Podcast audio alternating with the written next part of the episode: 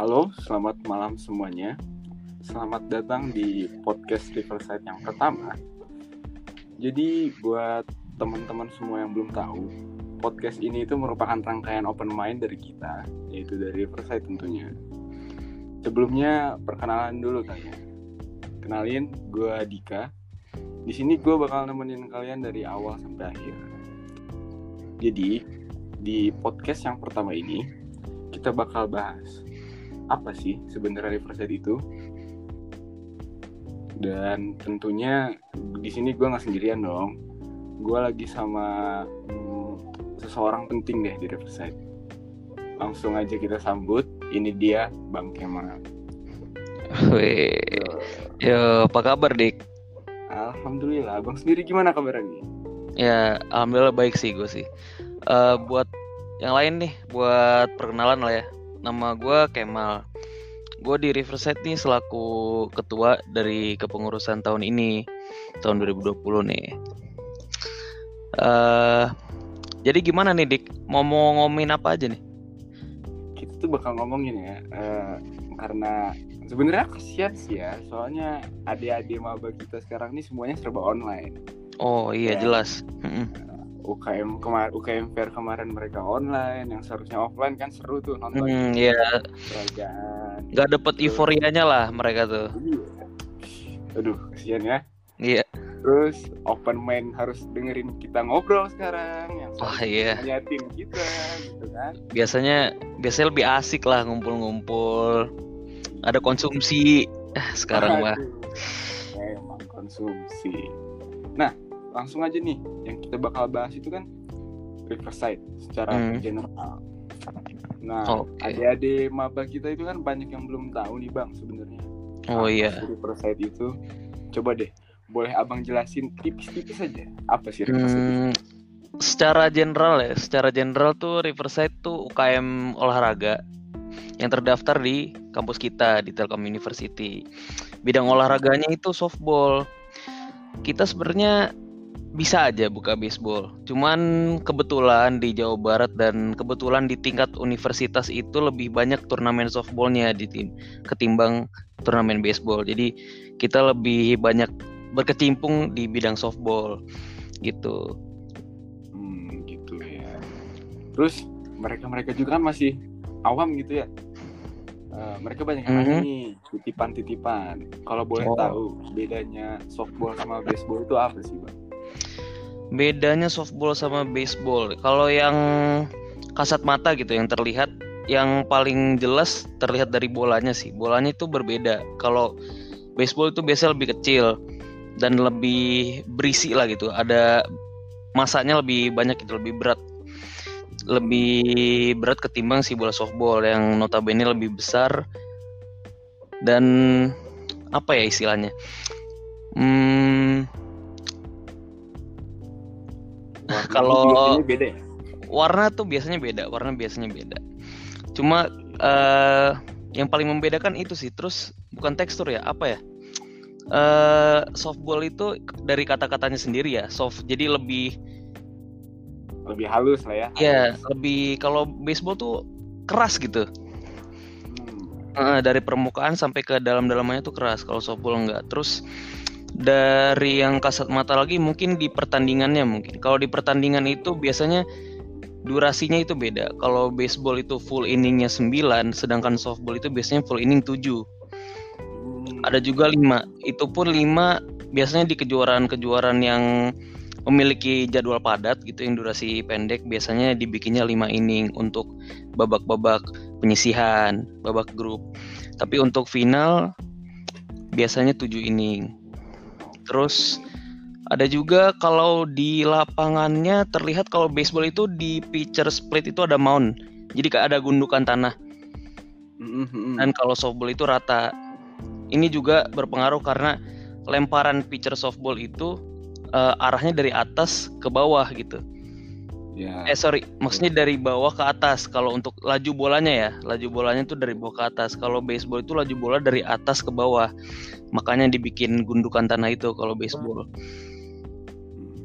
tapi kalau dari segi penilaian pertandingan kayaknya sama-sama aja lah ya. Sama, Nah, sama. Sistemnya sama. Mirip, mirip sekali. Eh, kalau mungkin kalau sejarahnya sih dulu eh baseball softball itu dibedakan oleh gender sih sebenarnya. Jadi softball itu dilakukan oleh yang kaum perempuan sedangkan baseball dilakukan oleh laki-laki. Namun seiring berkembangnya zaman, sekarang baseball pun bisa dilakukan oleh perempuan dan softball pun bisa dilakukan oleh laki-laki. Itu sih. Berarti bukan berarti softball ini olah- olahraga cewek lah ya. Wah, enggak, enggak jelas tidak. Oh, jelas tidak. Oke. Mm-mm. Selanjutnya banyak nih yang penasaran. Dulu tuh Bang Kemal nih yang sekarang jadi ketua Mm-mm. masuk Riverside itu karena emang udah lama berkecimpung di softball kah atau emang baru pas masuk kuliah doang? Waduh. baru masuk. Kalau cerita gue sih sebenarnya awalnya nih eh sebelum masuk Telkom emang ngincernya pengennya UKM olahraga gitu Nah, biar kenapa? seimbang gitu olahraga sama seni budaya. Eh, Waduh. tapi akhirnya eh, lebih memilih fokus ke UKM olahraga gitu. Padahal tuh awalnya gue sama sekali nggak tahu nih tentang softball. Baseball gue Oh, berarti bener-bener dari nol bener-bener dari nol. Kalau baseball gue tipis-tipis karena dulu sering ngelihat merch-nya gitu kayak wah keren nih nonton dah sekali-kali pertandingannya. Yankees. Oh kalau gue sukanya Dodgers pak, sorry. Waduh, oh, beda-beda beda gitu ya. Iya beda. Nah gitulah pokoknya. Kayak gitu tadi awalnya cuman kayak ngefans ngefans terus ngelihat wah seru juga ya nonton pertandingan-pertandingan kecil juga yang liga-liga. eh kalau di Jepang ah, itu li SMA-nya sih yang terkenal itu SMA-nya baseball terkenal banget. Kalau di Amerika tuh kayak eh, menyaring rookie lah, rookie dari kampus-kampus buat main ke Major League. Mm-mm. itu gue sering lah lihat-lihat. Kadang ada juga posan di IG gitu. Dulu SMA tuh gue gitu ngelihat doang. Gue nggak berani untuk terjun ke ranah itulah. Karena dulu kan yang terkenal cuma kayak basket bola. Ya gue Ya, ikutnya dulu. iya dulu sekolah gue juga. gue juga ikutannya bola sama futsal. Jadi baru pertama nih masuk Telkom tuh gue pertama kali denger wah nih unik nih kayak gue pengen ikut deh. Iseng-iseng dulu kan awalnya. Ikut latihan latihan wah akhirnya bener-bener ke bawah nih sampai sekarang ya udah jadi Akhirnya hobi lah gitu. serius jadi ketua ya. wah iya. Gitu dah. Sama ceritanya sama. Cuman bedanya gue bukan gara-gara ngefansnya doang gara-gara Hmm. gue pernah baca komik. Udah itu doang. Oh komik. Iya iya komik. Pada- tapi kita sama dong sama. Memang benar-benar dari nol. Iya Telkom, Mm-mm. baru masuk Telkom lihat UKM Fair kan. Wih bootnya paling keren. Wah iya bener. Flyernya. Jujur gue pas UKM Fair Untungnya offline ya waktu itu. Terus gue datang ngelihat booth Riverside Wah kayak asik nih. Gue coba ikut deh. Langsung tuh tanpa basa-basi gue pertama kali daftar UKM situ Langsung trialnya kan langsung dicobain. Wah iya apalagi ada trial waktu itu. Wah jadi kangen nih sayang, offline. Sayang banget nih. Iya, sayang banget. Bener-bener sayang banget. Jangan bersedih nih jangan sedih kali ya. Iya. soalnya kita bakalan ada UKM Fair offline juga tapi tahun depan. Wah iya. Kita tunggu saja berita dari BEM ya selanjutnya. Iya. kita hypein euforia Iya terus nih bang misalkan Hmm. kita masuk ke Riverside apakah kita wajib punya kayak set gitu perlengkapan gitu? Kan mahal nih. Hmm, terkenalnya mahal kan baseball softball tuh. Apakah Ya. kita wajib? Kalau perlengkapan sih untuk pemula biasanya dulu gue juga pertama datang kan maba gitu datang nggak bawa apa-apa kan ya udah. Eh, dipinjemin sorry dipinjemin glove sama kalau bat tuh biasanya gantian karena emang eh bat kan nggak selalu dipakai gitu kan. Biasanya untuk yang sering dipakai itu lempar tangkap. Jadi untuk peralatan sih aman kita insya Allah menyediakan gitu. Oh, berarti kita bener-bener zero cost ya cuma ya niatin niat kita buat masuk udah Iya. jadi keluarga Riverside Betul, niatnya niatnya aja dulu sama siapin olahraganya aja lah. Kalau emang udah niatnya masuk ke UKM olahraga ya pasti harus punya niatan untuk olahraganya itu sendiri itu Nah, sih. ya hitung-hitung latih fisik lah ya Iya. olahraga gitu kan Biar stay in shape lah gitu selama kuliah. Waduh. Wait, in shape gue jadi malu nih. Ya. gue juga sebenarnya malu lah gara-gara pandemi nih makan mulu Waduh, iya pandemi. Tapi intermezzo dikit nih. Iya. Gimana nih? Online, kuliah online, UTS online. Kira-kira enak Hmm. nggak kalau menurut abang? kalau gue sih karena tinggal gue tinggal ngejalanin satu matkul sih sebenarnya jadi kemarin cuman satu UTS mungkin nggak ngerasain seribet kalian yang UTS-nya masih banyak lah matkulnya atau gimana gue ngerasain tapi itu satu matkul gue ngerasain LMS ya Wah, Learning Management System hmm siap bener-bener nyaris gue ngulang lagi tuh buat gara- gara-gara. Soalnya ribet juga sih sebenarnya online tuh. Soalnya offline kan kita tinggal dateng, ngerjain, kumpulin kan. Kalau online nih, Iya. walaupun kelihatannya kayak nggak ngapa-ngapain gitu di rumah, sebenarnya ini ribet banget UTS-nya ini. Belum misalkan nanti ada dosen yang tidak mentolerir kalau jaringan kita jelek. Wah. Padahal jelek jadi. Itu satu, Waduh. bener. Belum dua, sistemnya mungkin kurang mateng lah dari LMS tersebut. Cuma gue bukan buat ngekritik Telkom ya, ini cuma curahan hati mahasiswa lah gitu. Iya, iya. ampun ampun. Ini tidak ada yang menjelek-jelek. Iya. Maaf ya. Itu sih emang online sama offline tuh kerasa lah bedanya gitu. Terus nih bang, maba-maba nih kan ada yang emang udah pernah dan belum. Mm-mm. Terus kalau misalkan dia niat masuk terus mau jadi atlet, tapi atlet itu dia pengen langsung main tanding gitu. Itu memungkinkan nggak sih? Itu Kalau memungkinkan, di untuk tahun pertama ya. Berarti iya untuk tahun, tahun pertama. pertama menjadi atlet langsung ke kejuaraan itu sangat memungkinkan sih. Soalnya banyak juga eh, waktu itu temen gue juga pernah masuk langsung di tahun pertama itu juga tergantung dari skill lah ya. Kasarnya mah dari skill si pemain tersebut gitu. Misalkan emang dia udah punya pengalaman kan berarti dia tinggal adaptasi sama tim gitu. Iya. Cuma itu sih. eh jadi nggak bukannya nggak mungkin tapi sangat memungkinkan malah justru untuk Oke. tahun pertama bisa ikut langsung ke kejuaraan tergantung dari performanya di latihan-latihan. Berarti rajinin latihan sama ikut seleksi. Oh ada seleksi atau tidak? Kalau seleksi itu eh, ini jadi sesuai kurun waktu kayak setiap latihan tuh bakal ada penilaian tersendiri dari koordinator lapangan. Nanti eh, koordinator lapangan ini yang bakal nentuin apakah anak ini cocok dan oke lah untuk masuk tim gitu. Jadi setiap latihan pasti ada penilaiannya. Cuma nggak di nggak di floorin aja penilaiannya. Jadi kalau latihan tuh yang serius gitu. Soalnya setiap latihan Tapi setiap latihan pasti dilihat gitu soalnya. Jadi nggak ada seleksi kayak hari seleksi hari ini kalian harus siapin ini ini ini enggak sih. Jadi setiap latihan kita nilai gitu, kedisiplinannya termasuk. Tapi cakep lah ya misalkan kita maba kita masuk ke KM Riverside langsung jadi atlet. Wah itu Wih. bener sih, itu bakal dipandang lah sama orang-orang sama masyarakat kampus pastilah dipandang. Wah sih.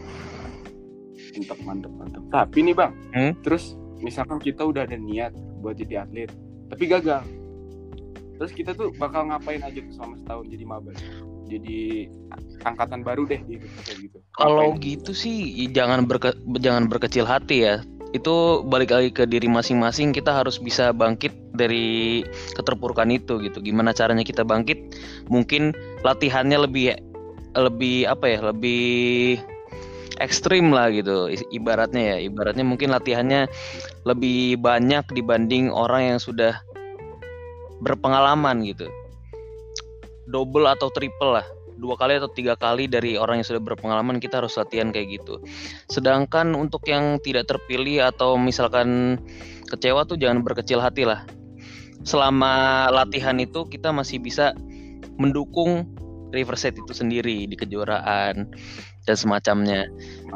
Nah selama selama fase ya. mendukung itu jangan juga, aduh males nih udah nggak keterima paling ntar tahun depan nggak keterima lagi nggak bakal masuk tim jangan gitu kita harus tetap usaha gitu pasti ada waktunya dan ada porsinya Oke, berarti masih banyak lah ya cara kita buat berkontribusi. Gitu. wah iya banyak banget Nah, udah terakhir nih karena durasi lah ya. Oh, oke, takutnya oke. kalian Bosen gitu kan.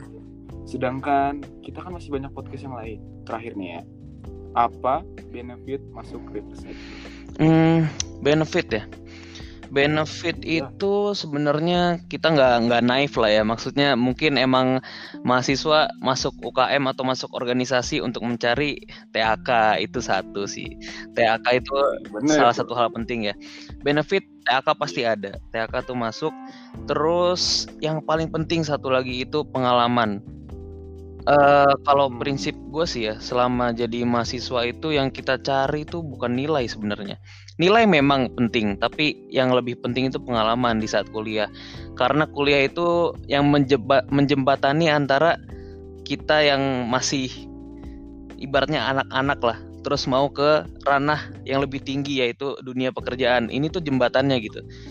Nah, ini hal yang menjembatani itu pengalaman. Nah, yang penting sih itu pengalaman yang didapat saat masuk Riverside ini. Berarti bisa nambahin relasi-relasi juga Iya. ya abang katanya. gitu. Betul. Penting sih itu TAK dan pengalaman. Apalagi kita juga sistemnya tuh lebih ke kekeluargaan lah. Jadi misalkan ibarat ada yang merantau atau dari daerah yang jauh, mungkin di sini bisa menemukan keluarga kedua gitu di Riverside. Istilahnya mah gitu. Berarti jangan malu-malu kalian kalau mau daftar. Betul. Tenang. Oke, berarti kita udah ada di penghujung podcast yang Wah, nggak kerasa ya. Jangan sedih dulu. Oke, oke. Untuk untuk adik-adik semua jangan jangan sedih. Kita bukan cuma satu podcast. Oh, banyak ya Eh, berarti ya? Sebelum Oh, Banyak mantap, mantap, ada mantap. ada dua lagi nih bang. Oh, Oke, sebenarnya. oke. Jangan lupa kalian nonton podcast yang selanjutnya yaitu tanggal 12 November dan 15 November. Di situ kita bakal bahas lebih lanjut dari Riverside kayak apa ya event tahunan kita Hmm, hmm, hmm, dan pengalaman di lapangan saat tanding tuh euforianya Wah, iya. Pernah gugup nggak? Itu tuh kan Asik. ya, asik. Bahkan nggak di lapangan pun nontonnya itu greget gitu. Wah, No, itu. iyo, iyo. Lagi kalau kita udah jargon ya. Wah, Jargon. boleh, boleh. Iya, jargon Riverside nih. Oh, jargon. Siapa nih? Abang, abang dong. Oke, boleh. Jadi jargonnya itu ada dua kata. Kalau misal si yang membawakan jargon itu ngomong river what, dibales riverside tiga kali biasanya. Itu udah jadi moto yang bikin kita semangat lah selama kita bertanding, selama kita latihan. Oke, kalau gitu dilanjutkan saja ya ke jargonnya langsung. Oke, Dik. Oke. River what? River what? River what? Oke, Riverside. mantap sekali. Oke, mantap. Iya, sama-sama, siap. Kema udah bersedia buat ngejelasin kita kita nih. Dan terima kasih juga buat teman-teman yang udah mau dengerin. See you guys in next podcast. Bye bye. Música